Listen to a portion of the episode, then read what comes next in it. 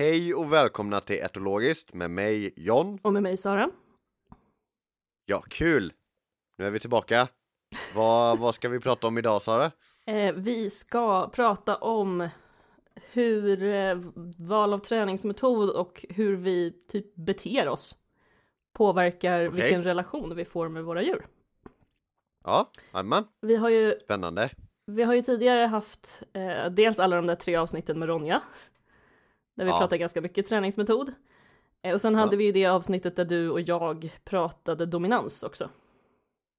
Ja, Eller just det. myten Med- om, om dominans. Snarare. Ja, precis. Ja, exakt. och redde ut lite begrepp Och och konstatera att det här flockledartänket kan vi bara, kan vi bara glömma det nu.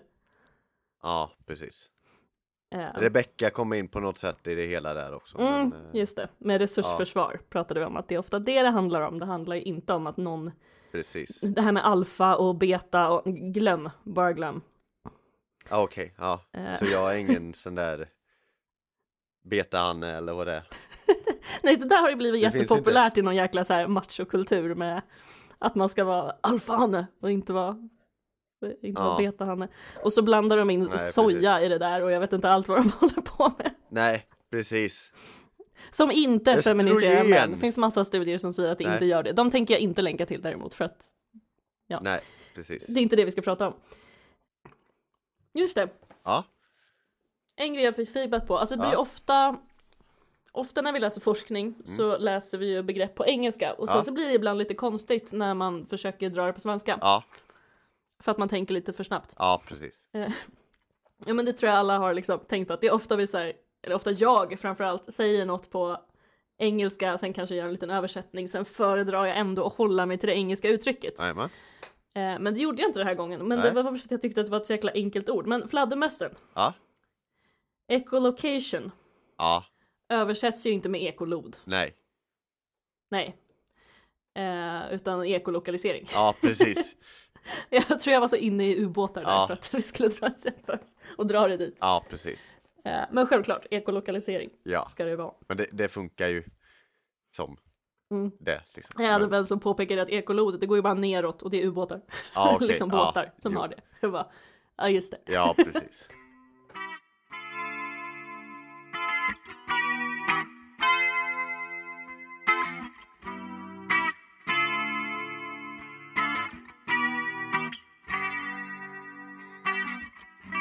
Men ja, den här hierarkin i alla fall, den har vi glömt, den har vi släppt nu. Mm. Utan nu Jajamän. vet vi att hästen inte vill, eller hunden för den delen, inte har något intresse av att dominera oss på något sätt och kontrollera vårt beteende. Jajamän. Eh, och Exakt. oftast inte något intresse av att göra det med andra, andra individer heller, utan det är oftast att man försvarar mat, man försvarar sina ston eller vad det nu kan vara. Mm.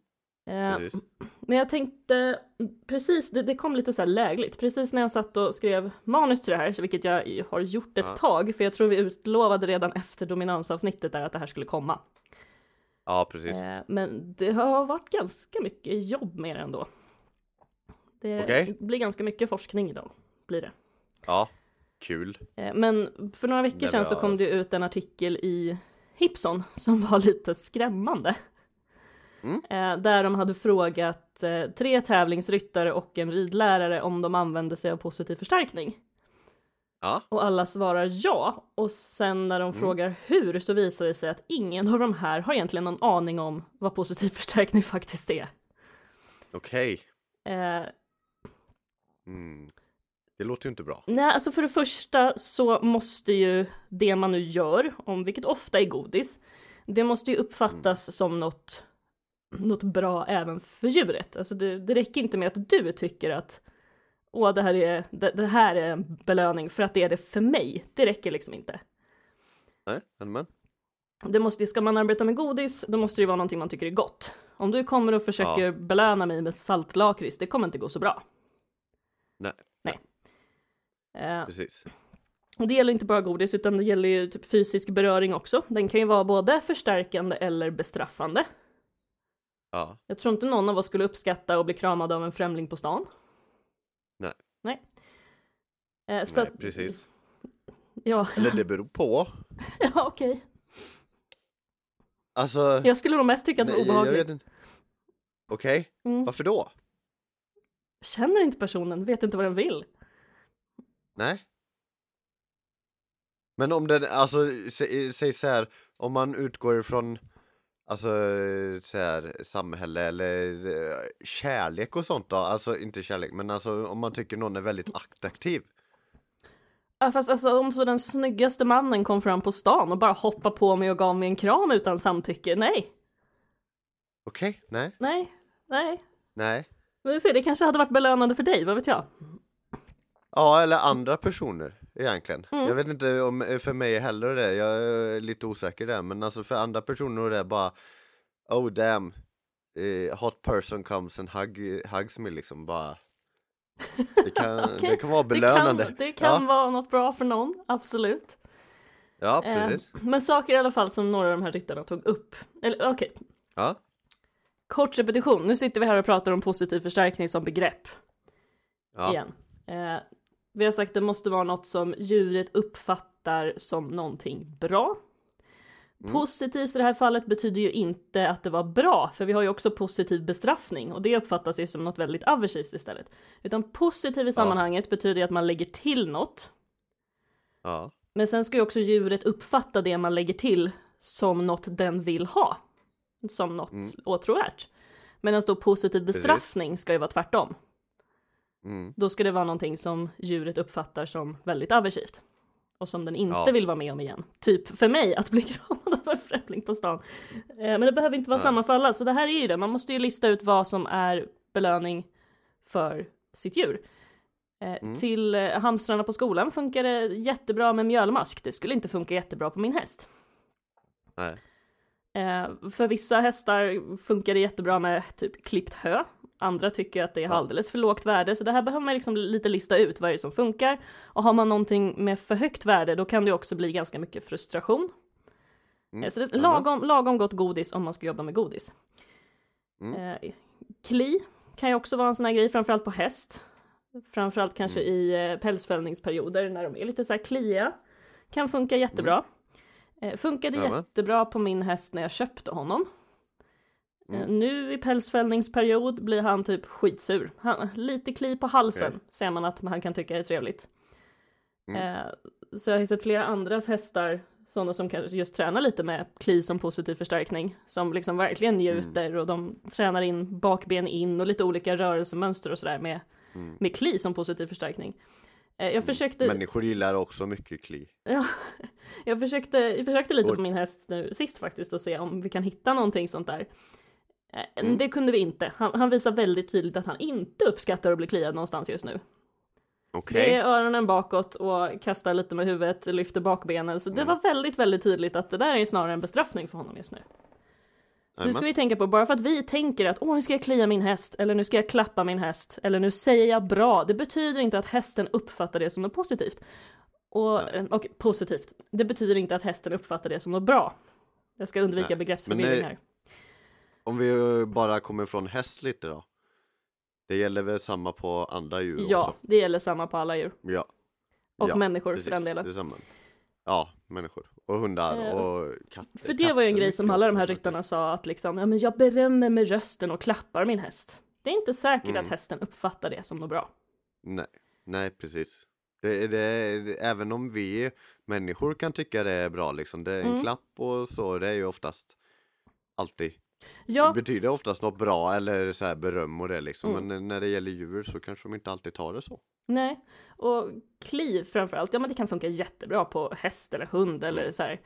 Mm. Eh, men, och, och som sagt, inte på min häst just nu och inte på alla hästar. Eh, men det här Nej. hårda klapparna man ofta ser, som ryttare Mm. gör, att man mer eller mindre nästan Mm. slår på hästen. Åh, ja, nu var du duktig, klapp, klapp, klapp. ja precis. väldigt Man bara hör till. hur det dammar loss liksom. Hur skulle det, jag är vä- väldigt, väldigt tveksam till om hästarna faktiskt uppskattar det där eller om de bara typ tolererar det, att människan gör så där Mm. ibland. Ja.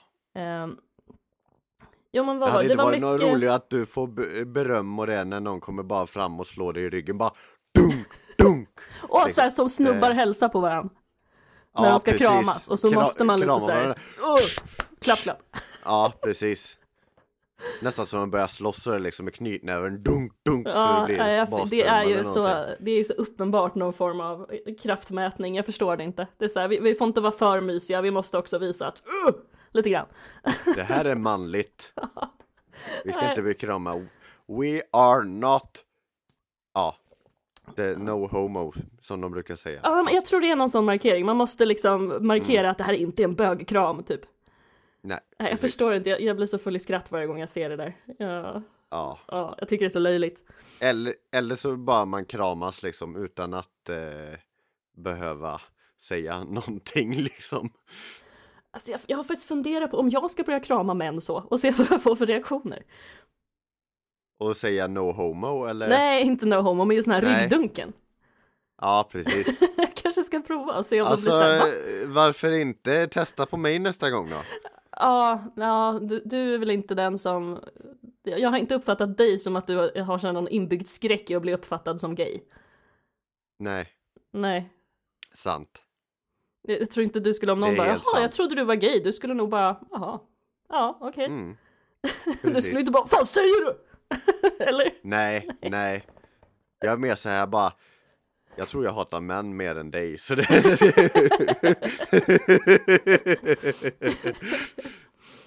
So it's cool Okej, till- tillbaks till i alla fall det här, de här som de uppfattade då som positiva förstärkningarna som de gjorde.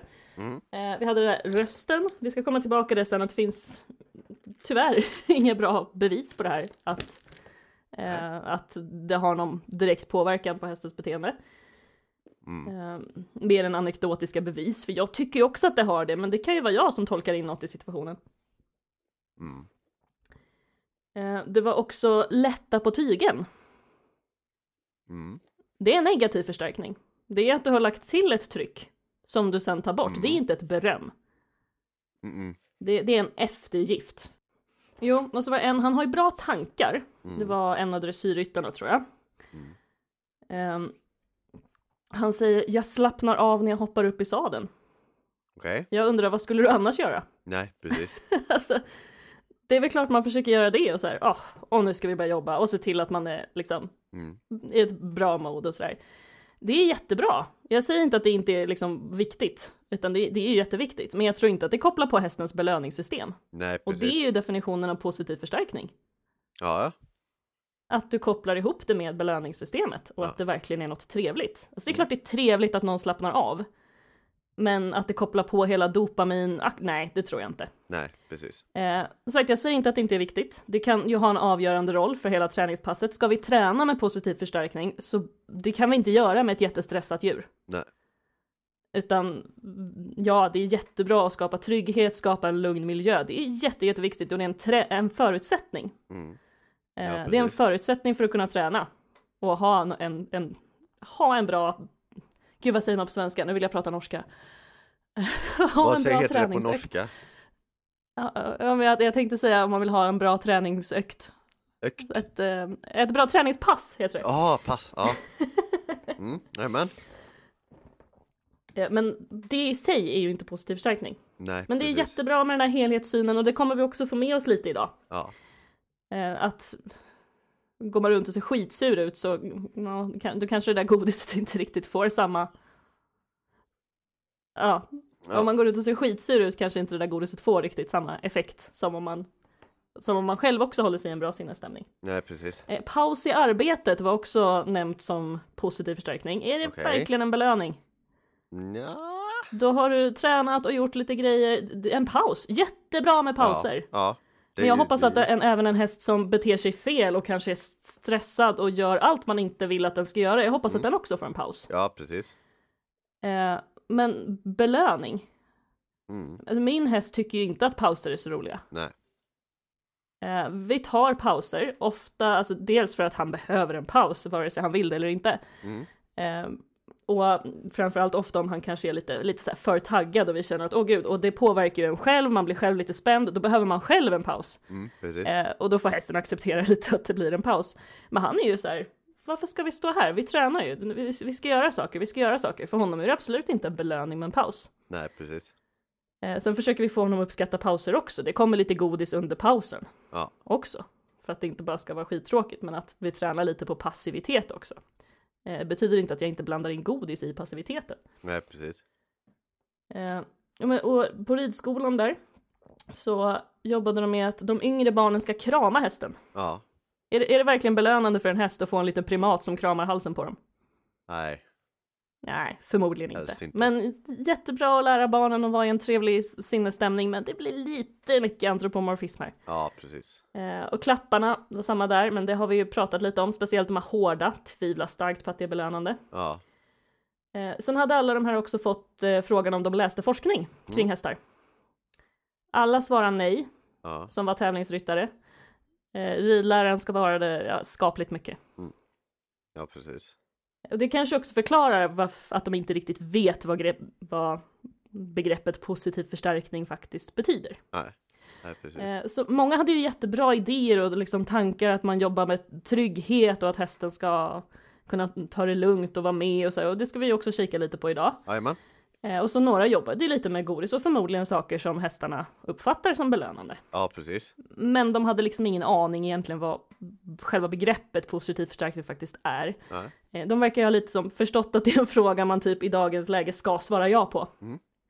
Antingen om det kanske är för att ge en positiv bild av sig själv eller att man tror att man faktiskt gör det när man klappar på hästen när man nästan slår den liksom. Ja, precis. Vad vet jag? Eh, jobbar jag 100% positiv förstärkning med min häst? Nej. Men jag är högst medveten om de tillfällen jag inte gör det. Ja, när vi precis. kommer ifrån det. När man kanske måste pusha för att det är veterinär eller liksom eller att man hamnar i det för att man tappar metoder. Alltså så fort man inte lyckas lösa ett problem med positiv förstärkning faller man ju lätt tillbaka i andra metoder. Mm. Eh, så det där får man ju hålla på att utvärdera och man lär sig ju hela tiden. Det är ju Ja. liksom en process att gå över från att ha jobbat mycket med negativ förstärkning och tryck och eftergift och dominans. Det, det är en jätteprocess och en jätteomställning. Ja, precis. Eh, och jag började ju ställa om för sju år sedan, men det är fortfarande en omställning om man lär sig hela tiden nytt, om man gör fel. Ja, men här om veckan till Mm. exempel, bara lite för att det är bra att dela med sig av sina egna, jag ska inte säga misslyckanden, men eh, eh, lärtillfällen då. Ja, jajamän. Eh, var, i häst, var i ridhuset med hästen Ja. och det blev lite vad man kallar trigger stacking, vad säger man på svenska? Triggerstapling. ja, precis. Eh, att så här många små saker kan ha ganska stor påverkan tillsammans. Mm. Eh, typ klassiskt exempel med barn, typ när man har bråttom och ska iväg på morgonen, det är lite stressigt. Eh, ungen fick eh, kanske för lite yoghurt, syskonet var lite taskig. Eh, man vill inte ta på sig de där strumporna, man skulle ta på dem ändå. Eh, och sen så får man inte typ tända lampan i trapphuset och det blir världens jäkla raseriutbrott. Ja, precis. Och föräldern förstår inte riktigt varför var det där så farligt? Nej. Nej men du, du får tända lampan nästa gång liksom, ta det lugnt. Ja. Men då är det alla de här grejerna som har hänt innan. Mm. Som sen till slut bara väller över. Och där kan man ju känna igen ganska mycket från sitt eget liv också. Ja, jo. Eh, Så det var mycket sådana saker. Det var, dels han var lite stel i höger varv. Ja. Eh, Det vart jag lite så här på en gång att oj, är det någonting här? Mm. Eh, och han, min häst visar väldigt tydligt, han får ju säga nej. Så han visade väldigt tydligt att det här med högervarv eh, och jobba från marken, det var inget kul idag. Eh, så då gjorde vi inte så mycket det. Eh, men det kom en annan häst som han inte kände med en tränare. Det var så hagel på ridhustaket. Mm. Eh, det var ett helt nytt ljud, det har han inte hört för. Regn går bra med hagel i något annat. De la upp ett reflextäcke på sargen. Det hade kommit in en jäkla duva igen som flaxar runt. Okej, eh, både ja. så han och den andra hästen hoppade till. Ja. Då tyckte den här tränaren att ja, men det är väl bra om vi öppnar ridhusdörren lite och ser om duvan vill flyga ut. Och det Ja. snöhaglar fortfarande utanför, så det Mm. blev en ny grej. Eh, och han har alltid varit lite så skeptisk till dörren vid förrådet, typ. Längst Okej. upp i ridhuset. Nu var ju den också skitfarlig för att han liksom redan var i en sån sinnesstämning. Så det vi kunde göra var ju typ så här, skritta runt på stora mittvolten. Och bara försöka andas och äta godis och ta det lugnt. Ja, precis. Eh, men jag vart lite så här, jag bara men okej vi går ut, vi går till volten, jag ville undersöka det här problemet i högre varv, jag ville kolla om det fanns en hälta. Ja. Eh, försöker få ut honom i höger varv, han vill verkligen inte, han vänder upp, han liksom, han kan stampa med framhoven ibland när han blir arg. Eh, när jag försökte, okej jag går närmare honom, då vände han liksom sig om och nästan putta på mig. Ja. Eh, och jag pushade det här. Och nu är jag ju väldigt mycket inne med negativ förstärkning, att jag lägger på ett tryck liksom tills det händer något. Ja. Fick inte upp honom i trav i höger varv och någonstans så kände jag bara, är, är, det, är det värt det? Nej. Ska jag pusha honom så här mycket till något han verkligen visar så tydligt? Han har sagt nej typ fem, ö, mer än fem gånger till mig just nu. Ja, Ja, jag vill absolut veta om han är halt. Är, är det här värt det? nej precis. Nej. Vi kan, vi kan kolla det. Han är upp, upp, uppenbarligen inte så pass halt att han inte kan gå tillbaks till lösdriften med sina kompisar. Nej. Kan jag kolla det här imorgon när jag har en bättre förutsättning? Ja. Eh, Hade det här varit för flera år sedan, då hade jag ju pushat. Ja, precis. Och bara du ska. För att man hela tiden levde i den här bilden av att hästen ska. Att den liksom var skyldig mig någonting. Ja, och skyldig precis. att lida liksom. Ja, Eh, men där brö- avbröt jag och bara nej, det här sliter jättemycket på vår relation. mm. Jag kan inte göra det här. nej precis. Eh, var han glad att se mig dagen efter? Ja. Ja. Han kom som vanligt till knägga för att vi har byggt upp en lång relation av att det händer trevliga saker. Ja, precis. Eh, hade jag dåligt samvete? Ja, absolut. Ja. Eh, Men det är rätt att känna det med liksom. ja, Nej, och så det viktiga där är ju så här, okej, det här var fel, jag pushade för långt. Mm. Hur ska jag göra nästa gång? Hur ska jag tänka? Och försöka utveckla sig själv hela tiden. Det är det som är det viktiga, inte att man ska vara perfekt från början. Nej, precis. Eh, igår skulle vi ta oss ut i skogen. Han är lite så här, han tycker det är trevligt när vi kommer bort. Han brukar alltid få äta uppe i skogen och han brukar ändå liksom visa att det är rätt trevligt. Men det är svårt att lämna gårdsplan, alltså lämna kompisarna. Amen. Nu hade vi ändå med en kompis från samma hage, men det är inte den bästa kompisen. Nej. Så han var ändå lite så att han stannade och bara, ska jag verkligen gå? Och då lägger jag ju på lite tryck. Ja, Jag, jag red inte, utan jag gick för att jag visste att det här förmodligen skulle bli ett, att det här brukar bli lite problem. Mm. Eh, så jag gick före. amen. Eh, och så hade jag liksom så här lite fått, men lägga lite tryck i grimskaftet, så hörde kom nu, kom nu, nu går vi. Och så varje gång han börjar gå, berömt. Mm. Eh, och sen till slut så bara, okej, men eh, hur, hur löser jag det här bäst? Mm. Jo, ge lite godis. På en gång han har fått godiset, stoppa ner handen i fickan, ta upp nytt godis, hålla det framför honom så han ser att det finns. Mm. Eh, det här är ju metod man kallar luring, liksom Ja. när djuret ser vart godiset finns och liksom att man typ, ja men som att man lägger godis i en transportbur, alltså det här är ju verkligen åsnan och moroten, Ja, precis. att du hänger en morot framför liksom. Ja, exakt. Eh, men ja, alltså vi kom ju upp i skogen och han tyckte det var trevligt och vi åt godis och så hade vi den andra hästen framför och det var liksom trevligt. Sen så fort vi kommer bort från de andra hästarna då är det ju trevligt och han får ju alltid gå och äta lite. Jag är inte en sån som säger att hästen absolut inte får äta när han är ute, varför skulle han inte få det? Nej, precis. Eh, det blir trevligare för Ja. honom.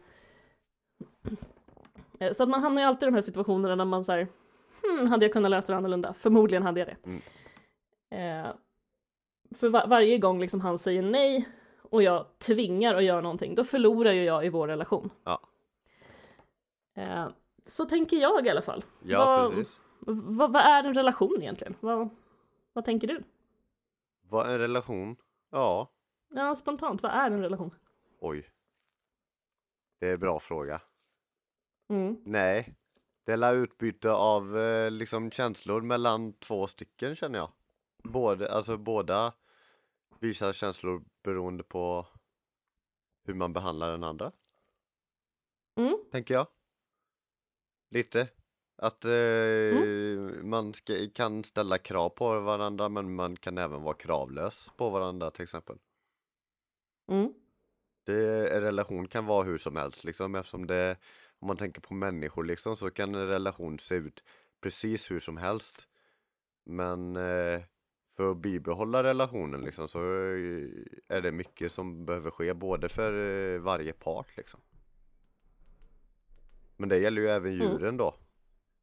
Ja, djuren kanske kräver något annat av oss och vi kanske vi st- ställer krav på eh, djur också, vad vi vill att de ska göra och vad, vad som händer, men då måste vi pusha dem lite extra djuren, till exempel med positiv förstärkning då.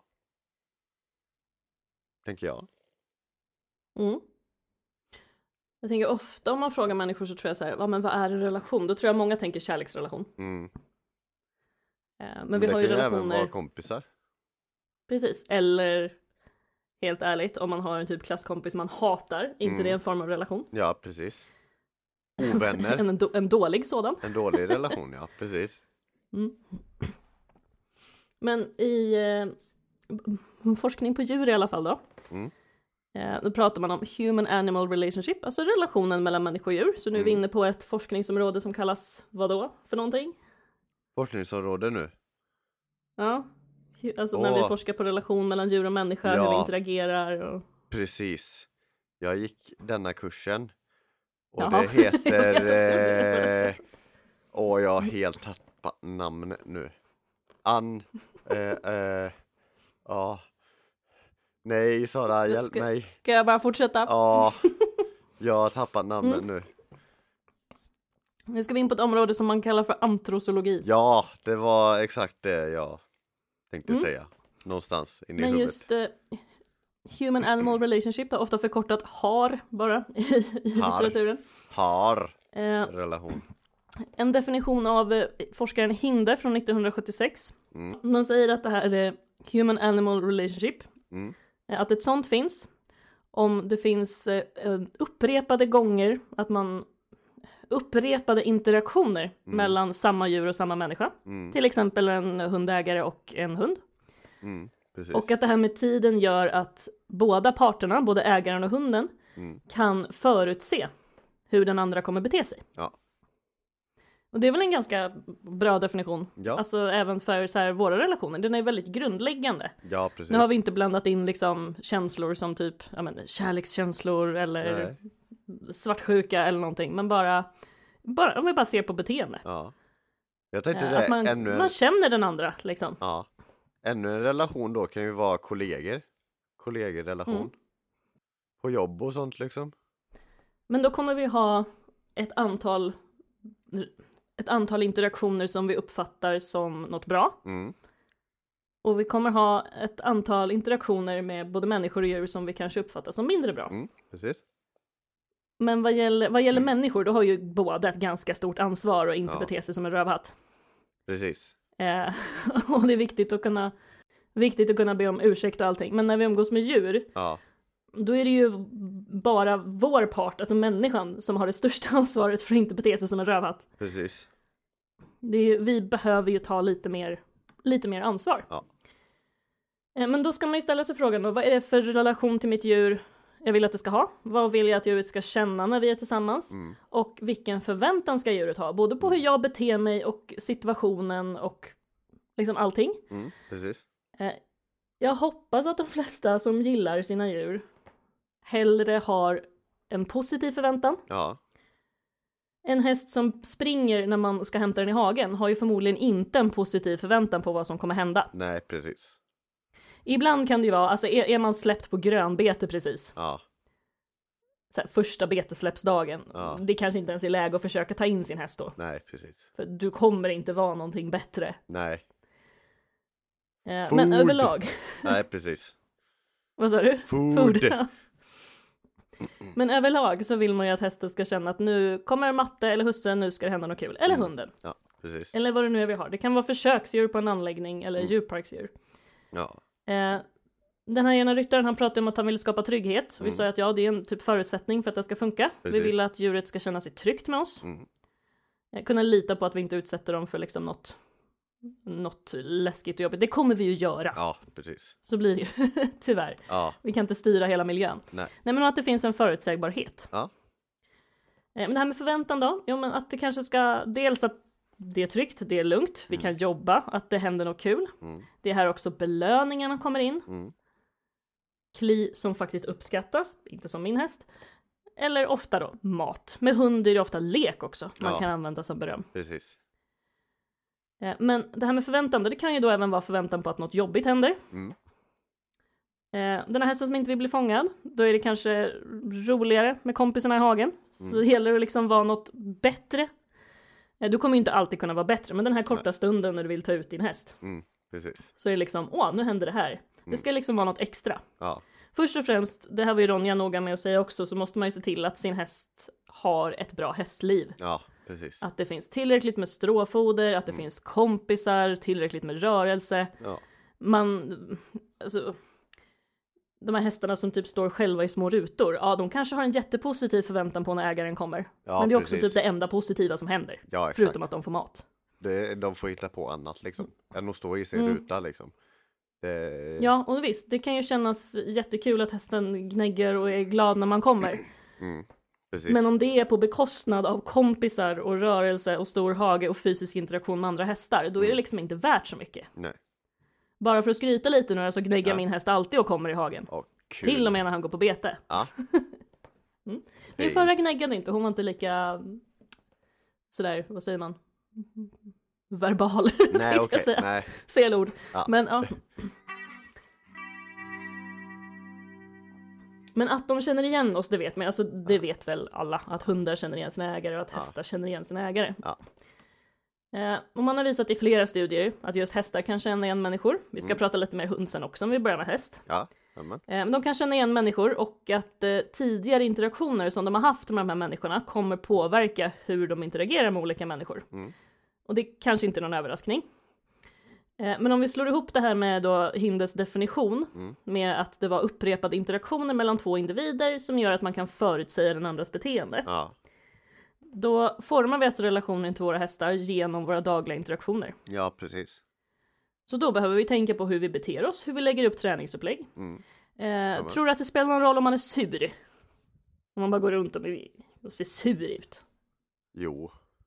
Det måste det Ja, ha. det gör det faktiskt. Ja, Så även om du inte gör något dumt, du kanske säger så här duktig och kliar lite och ger godis. ja, men ja, de ser om vi är sura. ja precis. Eh, man har sett att hästar som får se en bild av en arg människa, bara, Ja. alltså bara en bild, Ja. så det är argt ansiktsuttryck liksom, Mm. de får en ökad hjärtfrekvens. Mm. Och det är ett väldigt vanligt mått på stress. Mm. Eh, ett annat vanligt mått på stress på just häst, det är något som man kallar för left eye gaze bias. Okej. Alltså hur, hur ska man översätta det här? Alltså det är vänster öga och så att de liksom gaze, alltså deras blick och så Ja. Bias. Ja. Alltså Eh, fördel. Att de liksom alltså, tittar på det som är hotfullt med, mer med vänster öga. Ja, precis. Och som sagt, de gör det här när de uppfattar något som hotfullt eller obehagligt. Då Mm. har de en left eye gaze bias. Okej. Mm. Eh, och det har de alltså när de får se en bild av en arg människa. Ja. Eh, En annan studie från 2018 med, jag skrev ner namnet bara för att det var roligt, han heter, eller han eller hon heter Proops. Ja, Proops. jag tyckte det var roligt. Så Ja. Proops et al. Ja.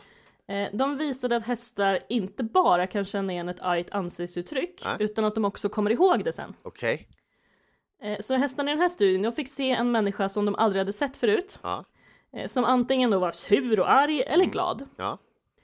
Och sen fick de träffa människan på riktigt. Och då Okej. s- var människan instruerad att ha ett neutralt ansiktsuttryck. Ja. Det här är ju jättejobbigt om man har ett resting bitch face. Jag hoppas, de, Ja. Jo. jag hoppades de korrigerade för det. ja, lite så. Det... Men i alla fall, hästarna som träffade människan som hade varit arg, Mm. de uppvisade både det här left eye gaze bias, Okej. de tittade också längre på personen och de hade mer eh, överslagshandlingar. Okej. Alltså sådana här beteenden som, kommer, som uppkommer när djuret inte riktigt vet vad den ska göra. Nej. Typ så här, klassiskt exempel stressad hund gäspar. Ja. Eh, katter som slåss, börjar tvätta sig. Ja. Eh, men hästarna de kliade sig, slickade och tuggade. Men Ja. det var ingen skillnad i hjärtfrekvens. Nej. Eh, just den här studien. Men om... Så eh, nej, man ska inte vara sur. Nej. Men om den här människan nu hade varit glad istället då? Ja, det, ja, men precis. Det var ju de man jämförde mot. Ja. Så de hade inte left eye gaze bias och de Okej. hade inte lika den här höga frekvensen av överslagshandlingar. Okej. Man hade ju kollat på hjärtfrekvens också, men det var ingen Ja. skillnad. Just samma person då liksom? Om den... Samma person. Ja, okej. Nej, nej, alltså, nej, det var ju, de hade ju fått träffa olika personer. Så Okej. som sagt, det är jättesvårt att korrigera för det här resting bitch Ja, face, jo. om det var något sånt. Ja, precis. Nej men, så, nej men det var en människa de inte hade sett. Jag kommer Mm. inte ihåg från studien om det här bara liksom var samma människa som fick se glad eller sur ut. Det okej. Nej. vet jag faktiskt inte. Nej. Eh, Det kan ha varit så att man använde samma person. Ja. Det ska jag faktiskt inte säga. Nej. Eh, Men- Men, eh, ja, så sur och arg det ska man inte vara. Men ledsen då? Ja, Hur? inte hittat någon studie på det. Nej. Det vore ju också intressant egentligen. Vad? Mm, om de blir stressade, om det smittar. Ja, eller eh, gör de någonting annat? Mm. Ja. Du får göra en studie. Ja, får göra det. Eh. Men hur ska man göra någon att gråta? Det blir lite Vad jobbigt. sa du? Jag måste se till att någon gråta i en hage? Ja, precis. Jag tror min häst han har aldrig sett det, han skulle nog bara tycka att du var konstig. Han blir ju sur när han tycker att något är konstigt. Okej. Om man gör något konstigt eller så här. Första gången vi träffade honom så skulle vi ta en promenad med honom bara. Ja. Eh, han var ganska ohanterad, Ja. alltså jättebra tidigare ägare så, så Ja. han var ju en tjuvbeteckning så de hade ju inte räknat med att lägga tiden på ett föl. Men han var så Nej. grundhanterad. Jajamän. Eh, men vi märkte ganska fort att han inte var van vid att ha folk på höger sida. Okej. Nej. Utan han var ledd på vänster sida. Så när vi skulle promenera tillbaka till stallet, vi hade bara tagit en promenad, han Ja. var ju inte inriden, ingenting. Nej. Så gick min kompis då på högra sidan. Ja. Och tyckte, för det kan man ju göra. Ja. Han, han blev jättesur på henne. Ja. Så här, första gången vi bara hoppade ner från en pall, alltså han reagerar väldigt mycket med öronen bakåt och verkligen visa att äh, fan gör du? Ja, precis. Eh, Så förmodligen skulle du sätta dig och gråta i hagen så skulle han nog både vara intresserad att komma dit och också bli sur. Ja, precis. Aldrig Ja. träffat en häst som reagerar så förut, aldrig haft en Nej. häst som, men han- är, han är en personlighet kan man säga. Ja, okej. Sparka mig på eh, sparka mig på smalbenet så ser vi.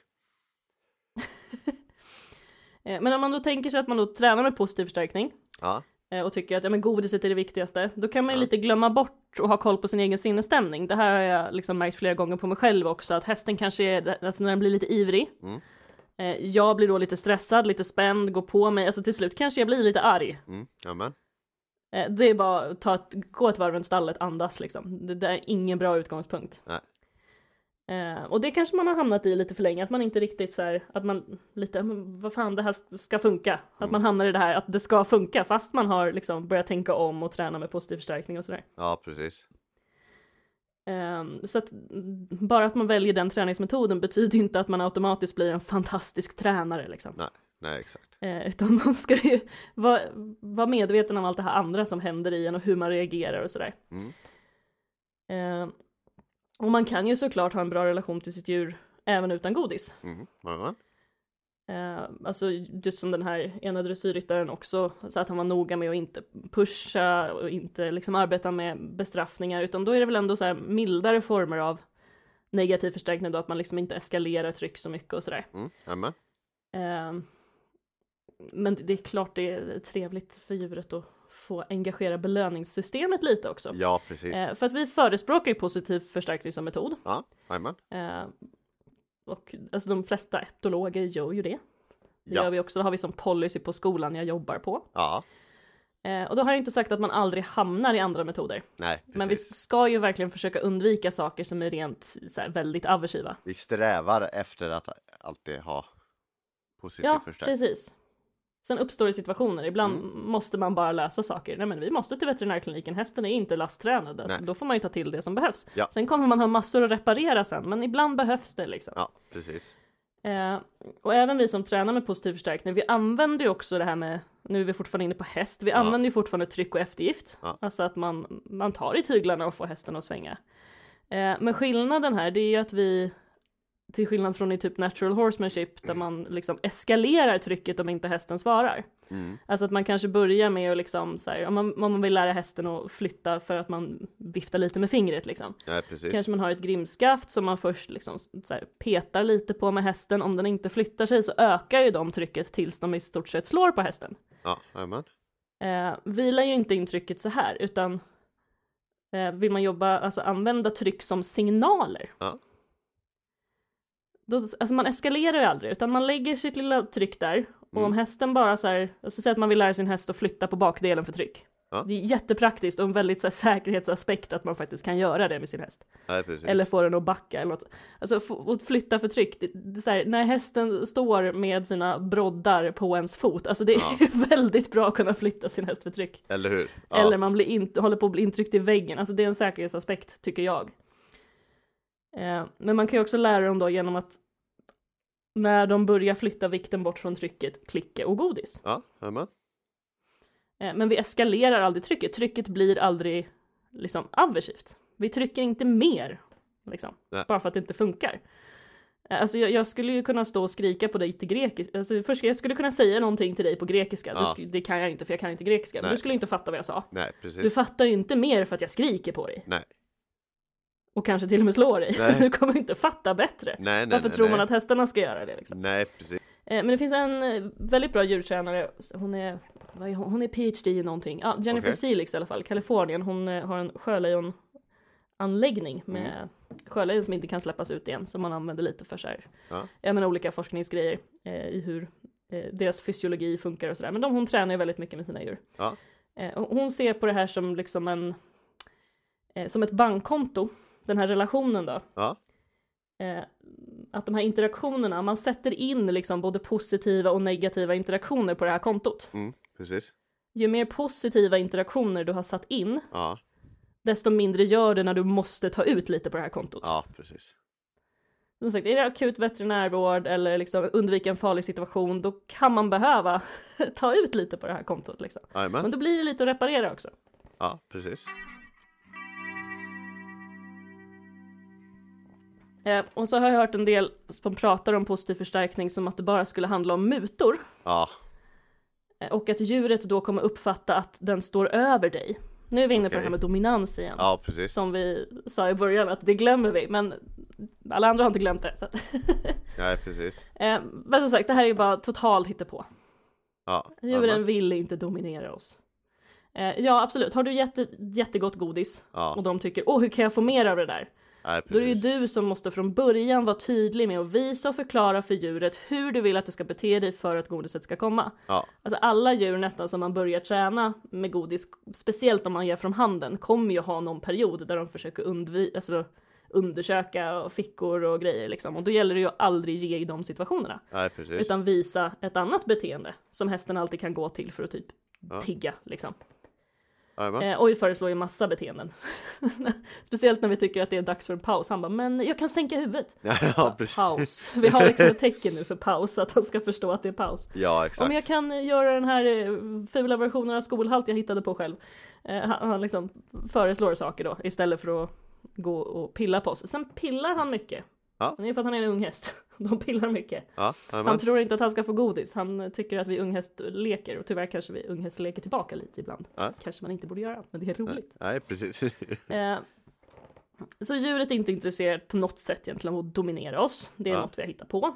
Med bas i de här gamla studierna av djur i fångenskap och missuppfattat resursförsvar och så vidare. Ja.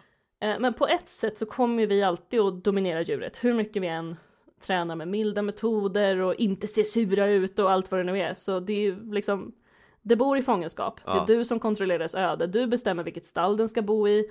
Eh, har du en hund, du bestämmer vart ni ska bo, vart ni ska gå, vilka kompisar Ja. den ska ha, om den ska ha några kompisar. Det kanske är en ensam hund. Det är också vi som bestämmer när de ska dö. Ja, precis. Så någon slags dominansförhållande har vi ju. Eller vi Ja. har ett ansvar i Mm. alla fall. Exakt.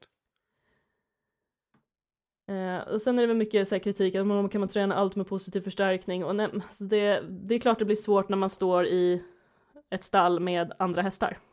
Ja, precis. Eh, min häst går ju på lösdrift. Går jag in och liksom använder positiv förstärkning med andras hästar när jag ska gå in med mat och fodra? Absolut inte. Nej, precis. Jag ska absolut inte ge godis till någon annans häst om inte vi har en överenskommelse. Nej. Eh, och det är såklart det finns, som jag kommer in med mat, då tar jag med mig en resurs. Ja, exakt. Eh, så att ja, jag tar absolut med mig en pisk in om jag vet att hästarna är jättehungriga och jag ska in och fodra. Som liksom ett skydd. Ja. Eh, men att sen ta med mig in det här i en träningssituation med min egen häst, absolut, nej. Nej, Nej. Nej, Men alltså till exempel då i hagen, jag måste hålla hästarna på ett säkert avstånd, det är inte mina hästar. Eh, jag måste liksom få fodra utan att dö. ja, precis. Men jag behöver inte ha, här i det här läget så måste jag ju ha någon form av våldskapital där i min piska. Ja, Tyvärr. Det är klart det går att träna det här om man har en egen flock. ja, Alltså om, mm, jag vet inte hur man skulle göra för jag har aldrig varit i den situationen att jag har en egen flock. nej, Eh, men när det är, vi är liksom åtta olika hästägare, det, det, det funkar liksom inte. Nej. Eh, då får man ta till sådana lösningar. Liksom. Ja, jajamän. Eh, men att sen ta med sig och ha ett våldskapital i sin träning för att djuret ska respektera en, det gör ju bara att djuret vet att du kan göra den illa. Exakt. Eh, alltså ett våldskapital, vill vi verkligen ha det i en trevlig relation? Nej, helst inte. Nej, sådana människor brukar vi rekommendera att lämna typ Mm, eh, partnerrelationer där det finns ett våldskapital. Ja, precis. Eh, men det finns ju till exempel en del hundtränare som fortfarande menar det här. Ja, att man behöver, alltså både häst och hundtränare, att man ska stå över och man ska ha det här egentligen våldskapitalet, hotet om våld. ja.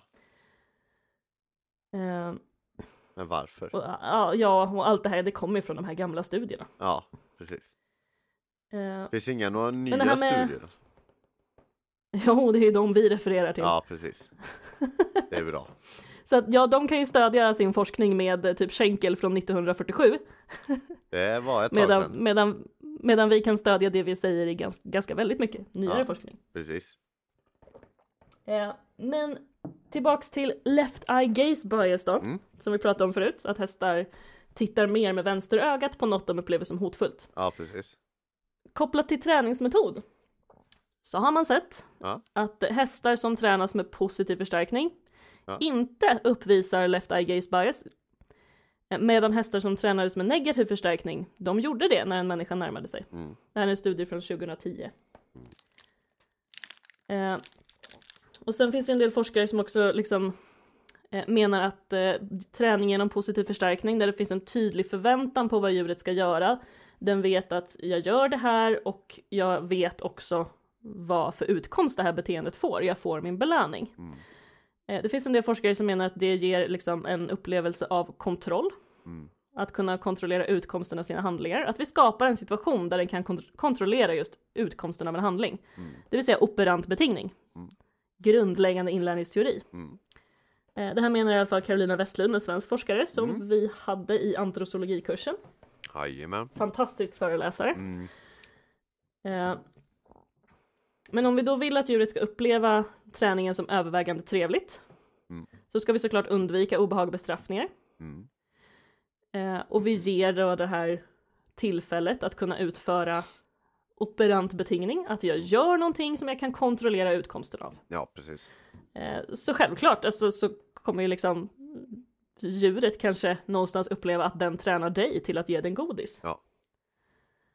Eh, Men och Precis. så om vi då skapar en trevlig situation Mm. där djuret har kontroll på miljön, Mm. vilket också skapar trygghet, Mm.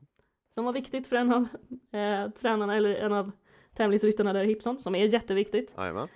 Eh, då kommer ju hela den här träningssituationen också genom klassisk betingning bli någonting positivt och trevligt. Om jag vet att jag går in där på ridbanan och vi gör trevliga saker, eh, jag gör saker som jag klarar av och det händer något trevligt, då, Mm. då får de ju en liksom eh, positiv syn på hela träningssituationen. Ja, precis.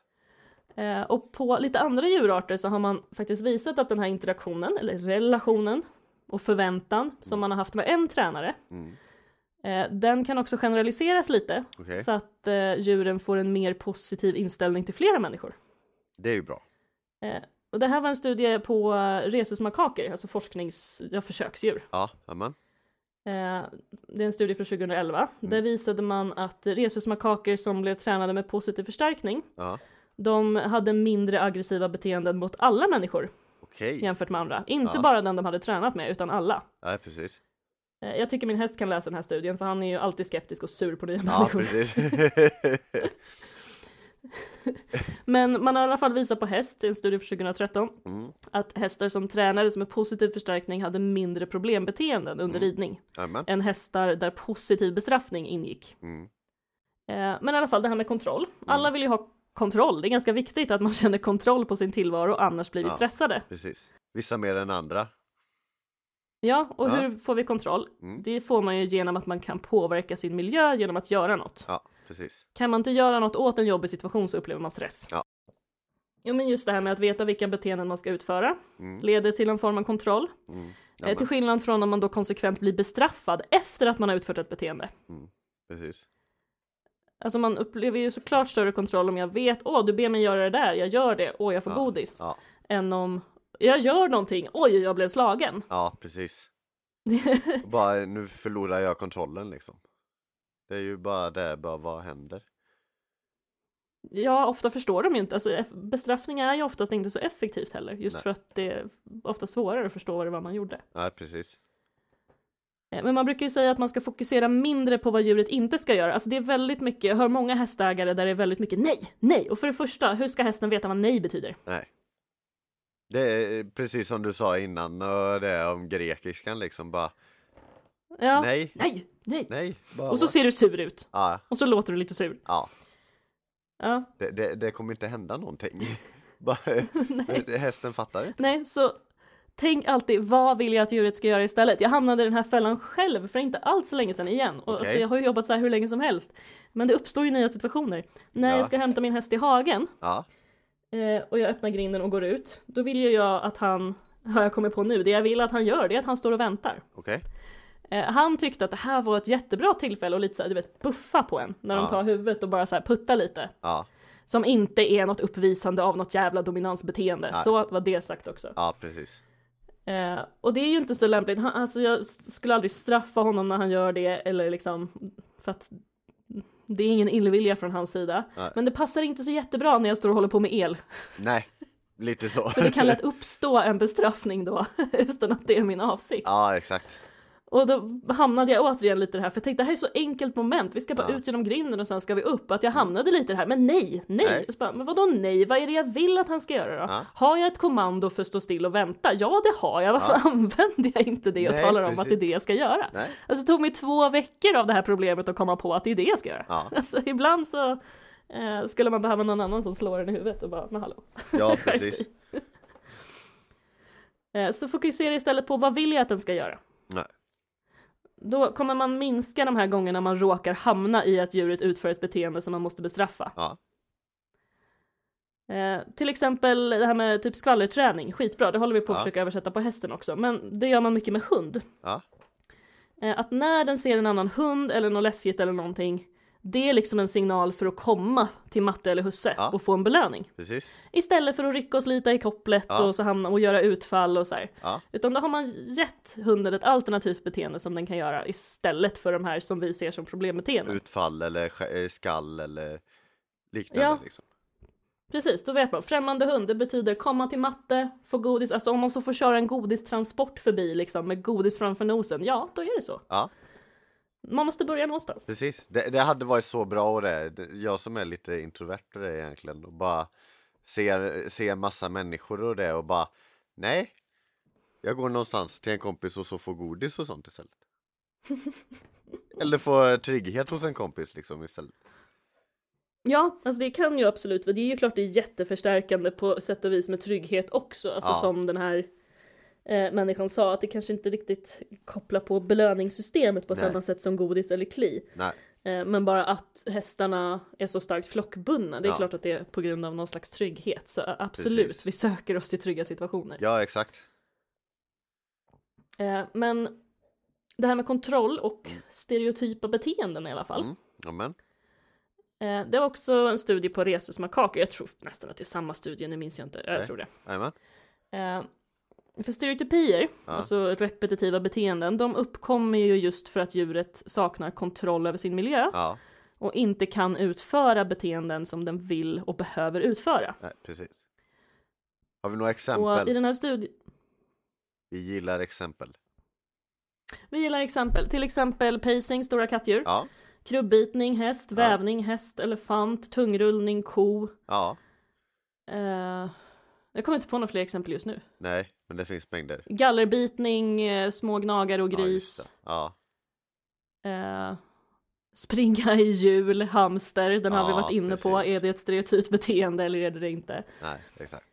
Eh, men det som händer i kroppen är i alla fall att eh, det här ger också en dopaminutsöndring och Mm. djuret får, har möjlighet att lugna ner sig själv i alla fall. Ja, man ska aldrig någonsin hindra djur från att utföra stereotypier, det tror jag Nej. vi har sagt förut. Ja, Men i den här studien i alla fall, på rhesusmakaker, så såg man att de som tränades med positiv förstärkning, Mm. de, hade en, de hade redan stereotypier, men de, hade en, de fick en minskning i, frekven, i frekvensen av stereotypierna. okej. Eh, Så att de kände inte samma behov av att utföra dem i lika stor grad. Ja. Och forskarna tror då att stereotypierna minskade just för att aporna fick en situation som de hade kontroll över. Mm. Och att det då upplevdes som någonting bra. Ja. Eh, Man har också sett samma resultat i en studie som var gjord på afrikanska vildhundar och isbjörnar Ja. i fångenskap. Jajamän. Eh, Och man har sett mindre stressbeteenden hos hästar som tränas med positiv förstärkning jämfört med negativ förstärkning. Nej, precis. Eh, Och det finns flera studier som har visat att primater som tränas genom positiv förstärkning presterade till och med bättre i olika kognitionstester Ja. än andra. Och det gör man ju när man är trygg och mår bra och det är trevligt liksom. Ja. Eh, Men om vi lämnar just träningsmetoden en stund då. Vi pratade ju förut om att man inte skulle se sur ut. Nej, det var precis. dumt. Jajamän. Eh, Men det här med hur man rör sig då. Ja, Eh, här är det ju också, det, det är klart det spelar roll, det Ja. ska jag börja med att säga, spelar jättestor roll. Men övertron på det här med kroppsspråk för det här med typ det- den här join-up grejen som man använder mycket i natural horsemanship, den har vi ju pratat om. Ja. där hästen ska liksom springa runt, där du jagar runt den. Nej, precis.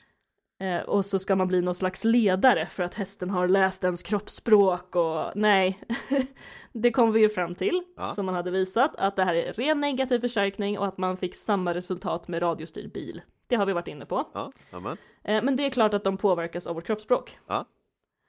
Eh, de har ju det här vad man kallar typ så här spegelneuroner liksom. Att, ja, ja, jag ska, den ska jag inte ge mig in på faktiskt. Nej, amen. Eh, men ja, det är klart att vi påverkar genom, genom kroppsspråk, eller i alla fall vår position Mm. i förhållande. Så har man, har du, du har vallat kor, eller hur? Ja, försökt. Mm. Du vet att det spelar ganska stor roll vart på djurets kropp du liksom riktar typ, nu blir det lite flummigt, men vart på djurets kropp du känner att du riktar energin mot typ. Ja, Ja, exakt. väldigt avgörande. ja, Och för åt vilket håll de springer. ja, precis. Det, alltså det, Eh, kor är svåra. ja.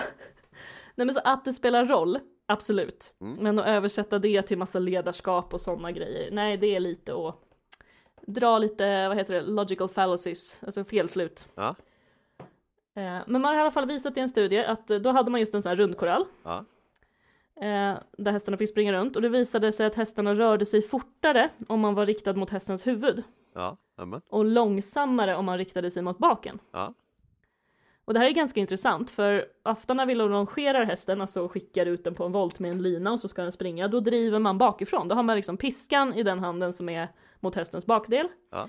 Och sen om man liksom går fram så tycker man att den ska stanna och då tenderar de också att stanna. mm, ja precis. Eh, men det här gör också folk lite olika. Det beror ju på om man försöker driva hästen genom tryck eller vad, vad det nu är man håller på med. Har man det här spöet, då är det såklart rimligt att hästen flyttar sig bort från det. Ja, och börjar man vifta med spöet mot huvudet, ja men då kommer den ju vända och springa åt andra hållet. Så att det beror helt på vad man är ute efter. Men i alla fall när jag fick lära mig longera, då drev man ju liksom på med spöet. Eh, och själv, det var inte så mycket kroppsspråk, utan själv skulle man stå som en jävla stolpe i mitten och helst inte röra på sig nej alls. precis. Eh, tack och lov så hittade jag in i den akademiska världen, eh, alltså akademisk ridning. Ja. Eh, inte universitetsvärlden, utan AR-världen. Ja, amen. Eh, där har man ju en helt annan metod, där man jobbar mer som den här studien då hade påvisat. Ja, Eh, först så börjar man ju, först och främst börjar man med att gå ganska mycket baklänges och ha hästen liksom framför sig. Mm. Eh, och sen så när man väl går över i longera, dels har man ett kortare avstånd till hästen och man går hela tiden med. Ja. Och liksom faktiskt snackar med kroppsspråk. Och här är i alla fall en akademisk tränare som heter Kristoffer Dahlgren som lär ut då att när du liksom tar ett steg och ökar i färdriktningen, då ska hästen liksom följa med. För Ja. att det är ju följa med vi tränade på eh, när, i den här rörelsen där man gick framför hästen baklänges. nej precis. Eh, för det man vill i akademisk ridning, det är att när man liksom är bak och fokuserar på bakdelen, då är det samling man vill ha och inte fart. Mm. Eh, så det är lite olika vad olika skolor gör, men Mm. jag tyckte det var intressant med studien i alla fall. Ja, Och precis. det här med röst, Ja, så hundar fanns det lite studier på. ja, Eh, och många, eller de här, eh, de här tränarna i eh, Hipson-artikeln ja, sa ju att de berömmer med rösten. Eh, jag hittade bara en enda studie om det här. okej. Man får gärna tipsa mig om det finns fler. Eh, men där så skulle i alla fall hästar klara en uppgift, alltså de skulle gå över eh, de skulle gå över en pressändning. okej. Och det kan ju vara läskigt. Mm. Eh, det var uppgiften. Och då skulle ena gruppen eh, använda sig, alltså vad man tycker var soothing voice, alltså en så här lugnande röst. Okej. Eh, och säga liksom good horse in a soft and soothing ma- manner. Ja, eh, när hästen då eh, gick mot den här pressändningen. Ja. Eh, och sen så var det hästar som fick en annan behandling Mm. som där där personen skulle låta arg och säga quit it, ja, typ. precis. Eh, och eh, det konstiga var att man hittade inga skillnader. Båda klarade av uppgiften i lika stor utsträckning. Amen. Och det var ingen skillnad i hjärtfrekvens. Och det var inte Okej. alls vad, de hade ju en hypotes att det är klart att de som får liksom det här snälla rösten, det är klart de kommer klara det bättre. Ja. Och det är klart att de kommer vara mindre stressade. Amen. Eh, men de hittade ingen skillnad. Alltså vad jag vill minnas av statistiken så var det inte heller så här att åh, det var nästan signifikant. Så ja, ja, Nej, fler Precis. studier skulle jag vilja ha. Ja. För jag, jag tror ju ändå att om de kan se att vi ser sura ut ja, eller hur? så borde de också kunna skilja på en, man tittade ju faktiskt inte på om de kunde skilja eller om de föredrog liksom. Man Nej. skulle kunna göra samma typ av studie som den där förra, att de får typ eh, hö, alltså interagera med en arg människa och sen se hur de reagerar nästa gång de får träffa den liksom. Nej, precis. Eh, men just den här med att klara uppgiften och just att det inte var någon skillnad i hjärtfrekvens, det tycker Ja. jag var jättekonstigt. Jajamän. Eh, så man kanske inte ska vara så jättesäker på att röst är någonting berömmande. Nej. I alla fall, Nej, okej. kan vi ju säga. Jajamän. Eh, men vi ska prata lite hund då. Okej. Eh, vi började ju enkelt med häst, att kunde hästen känna igen människor? Ja, det kan Ja. de. Och det tror jag säger sig självt att hundar kan, men man har i alla fall visat att de kan det också. Ja, jajamän. Eh, och de kan skilja på sin ägare och främlingar även på bild. Ja. Så de behöver inte heller lukt eller någonting så här. Annars är ju hundar väldigt luktorienterade. Jajamän. Eh, och man har gjort samma, lite liknande studie här. De kan skilja på arga och glada ansikten på bild också. Ja. Eh, och på hund har man sett att de får ökad hjärtfrekvens av arga, arga röster. Okej. Eh, även om de här konstiga hästarna inte fick det. Jag skulle vilja att någon replicerade den där studion. Ja, Jag tycker det verkar jättekonstigt. Jajamän. Um, alltså vilken träningsmetod, alltså är de vana vid att typ ha någon som pressar dem till att göra saker så kan jag ändå se hur det inte skulle skilja sig i träningsmetod. Nej. Men hjärtfrekvensen, den, it, it puzzles me. Ja.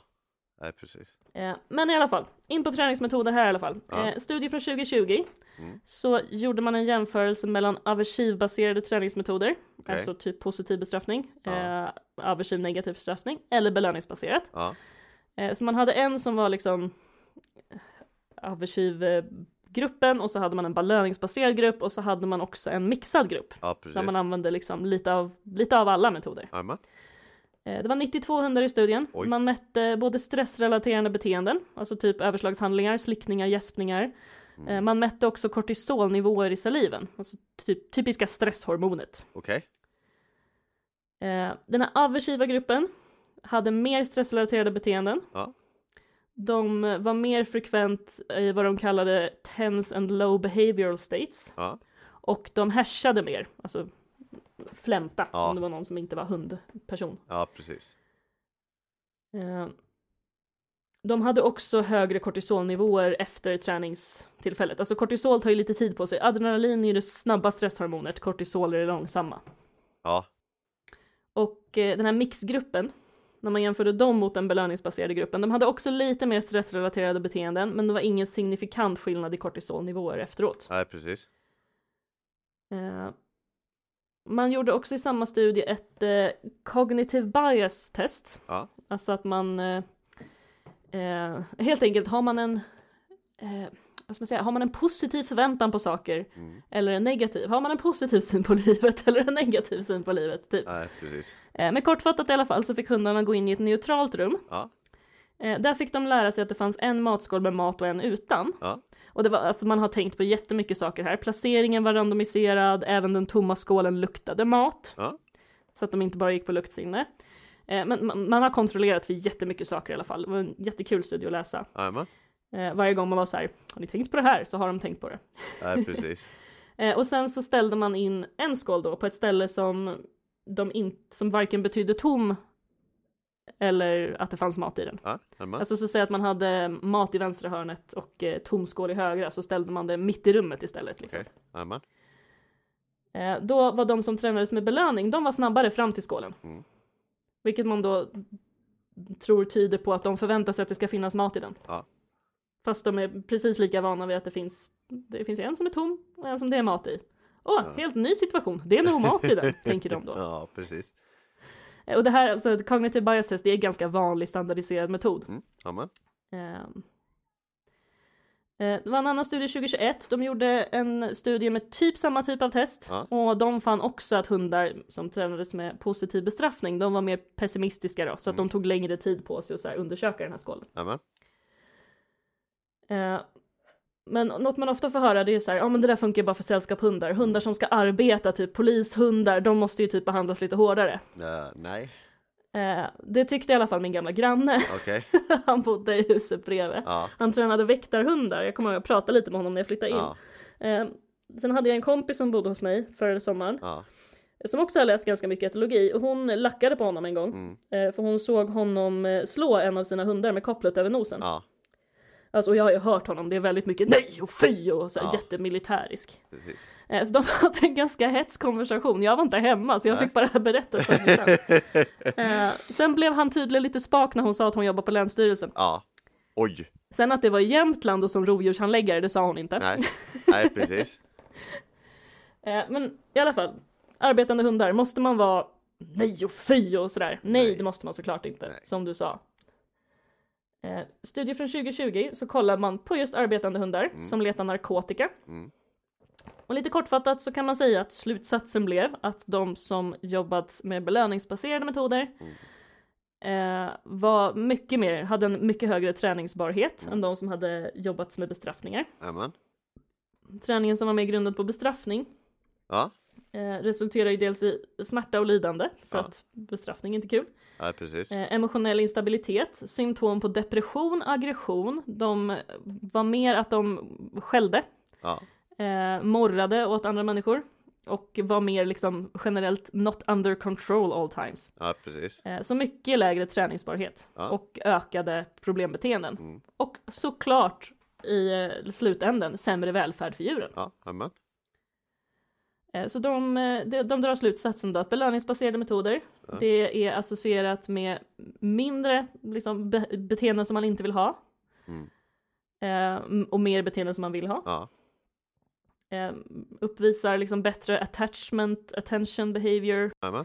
Eh, och de hade också lite så kontroll, de testade för skillnader mellan kön. Ja. det tyckte jag var lite roligt. Ja, precis. Eh, det är inte helt relevant, men de, de testade i alla fall träningsbarhet, eh, hur det skiljer sig mellan kön. Och vad hände där? visade sig att okastrerade hanhundar var mer träningsbara än okastrerade tikar. Okej.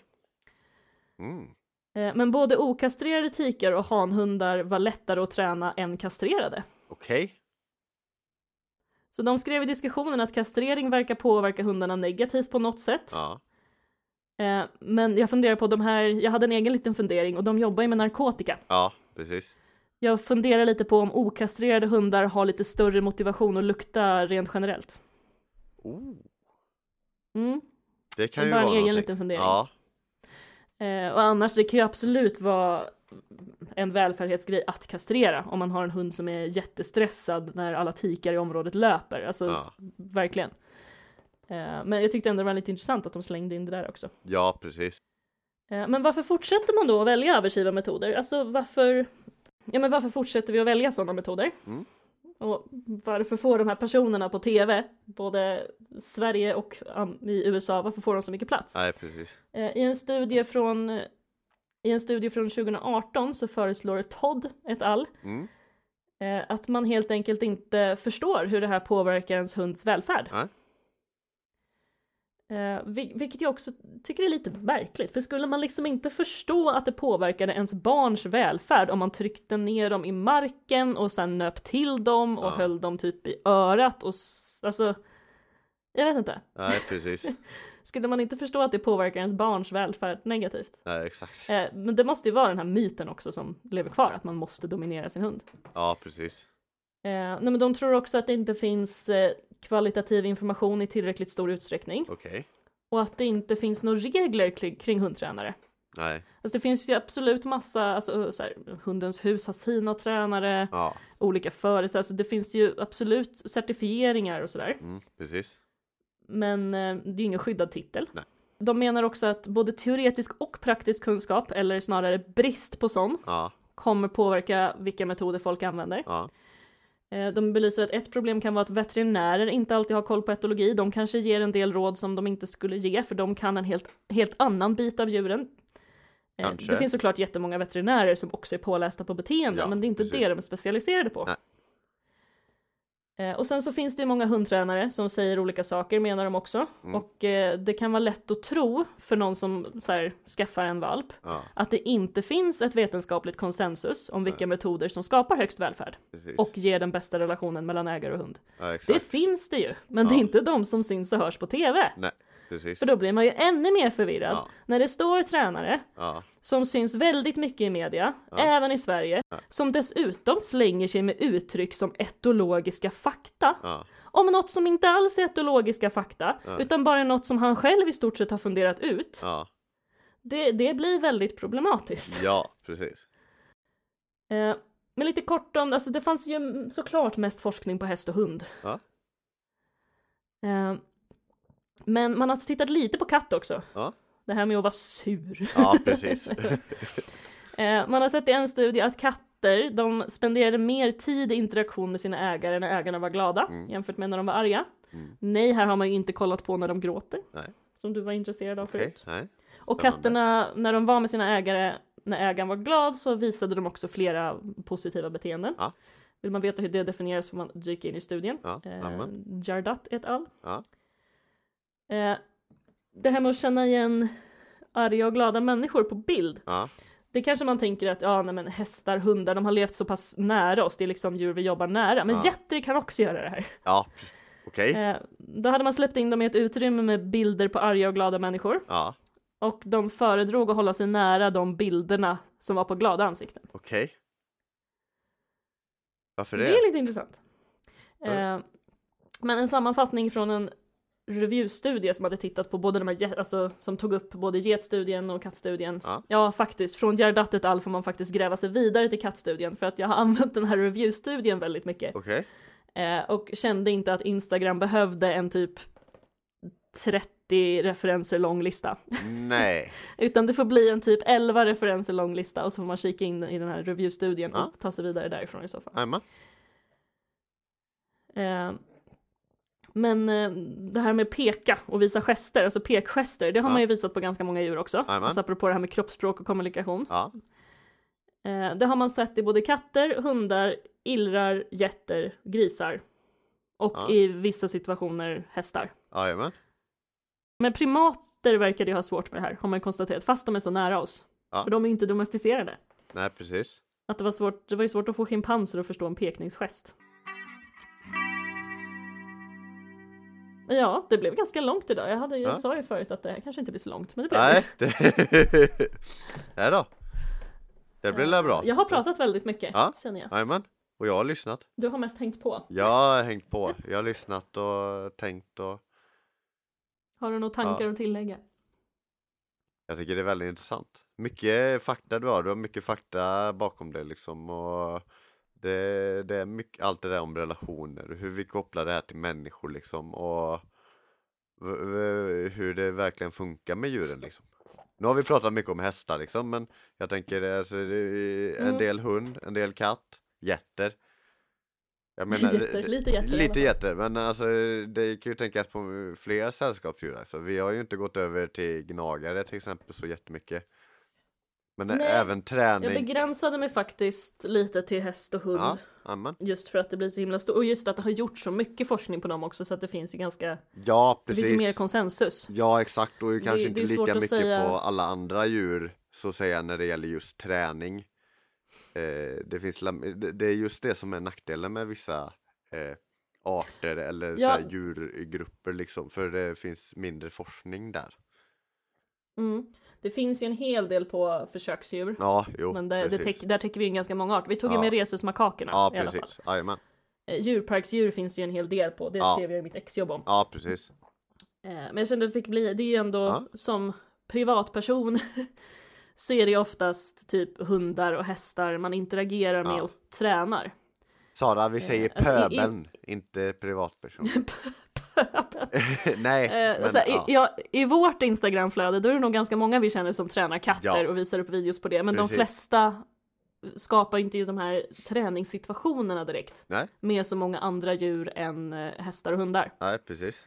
Så det, och, och det är också i de två djurarterna där de här dominansmyterna lever kvar. Mm. Så jag känner väl att det är de två som är viktigast att prata om. Ja. För det är ingen djurparkstränare som står och säger att jag måste dominera den här isbjörnen. Nej, precis. Det sker inte. nej, nej, exakt. Och framförallt inte påstår att på grund av etologiska fakta som jag själv har hittat på. Nej, exakt. oh, det hade varit jobbigt om det var fler sådana som hade det. Tur att vi har lite vetenskap också faktiskt. Ja, de som finns räcker och de får ta alldeles för mycket plats. Ja, precis. Ja. Inga namn nämnda. Och inga klämda. Men eh, det har varit mycket intressant. Vad, vad bra. Ja. Vad bra att John tycker att det har varit intressant i alla fall. Ja, och det tror jag ni kommer tycka sen med, ni som lyssnar. Det tror jag verkligen. Jaha, ska Nej. vi avsluta? Men vi nöjer oss där för idag tycker jag. Det, och så eh, tackar vi för oss och så syns vi nästa gång. Eh, och så tar Yes. ni det cool lugnt.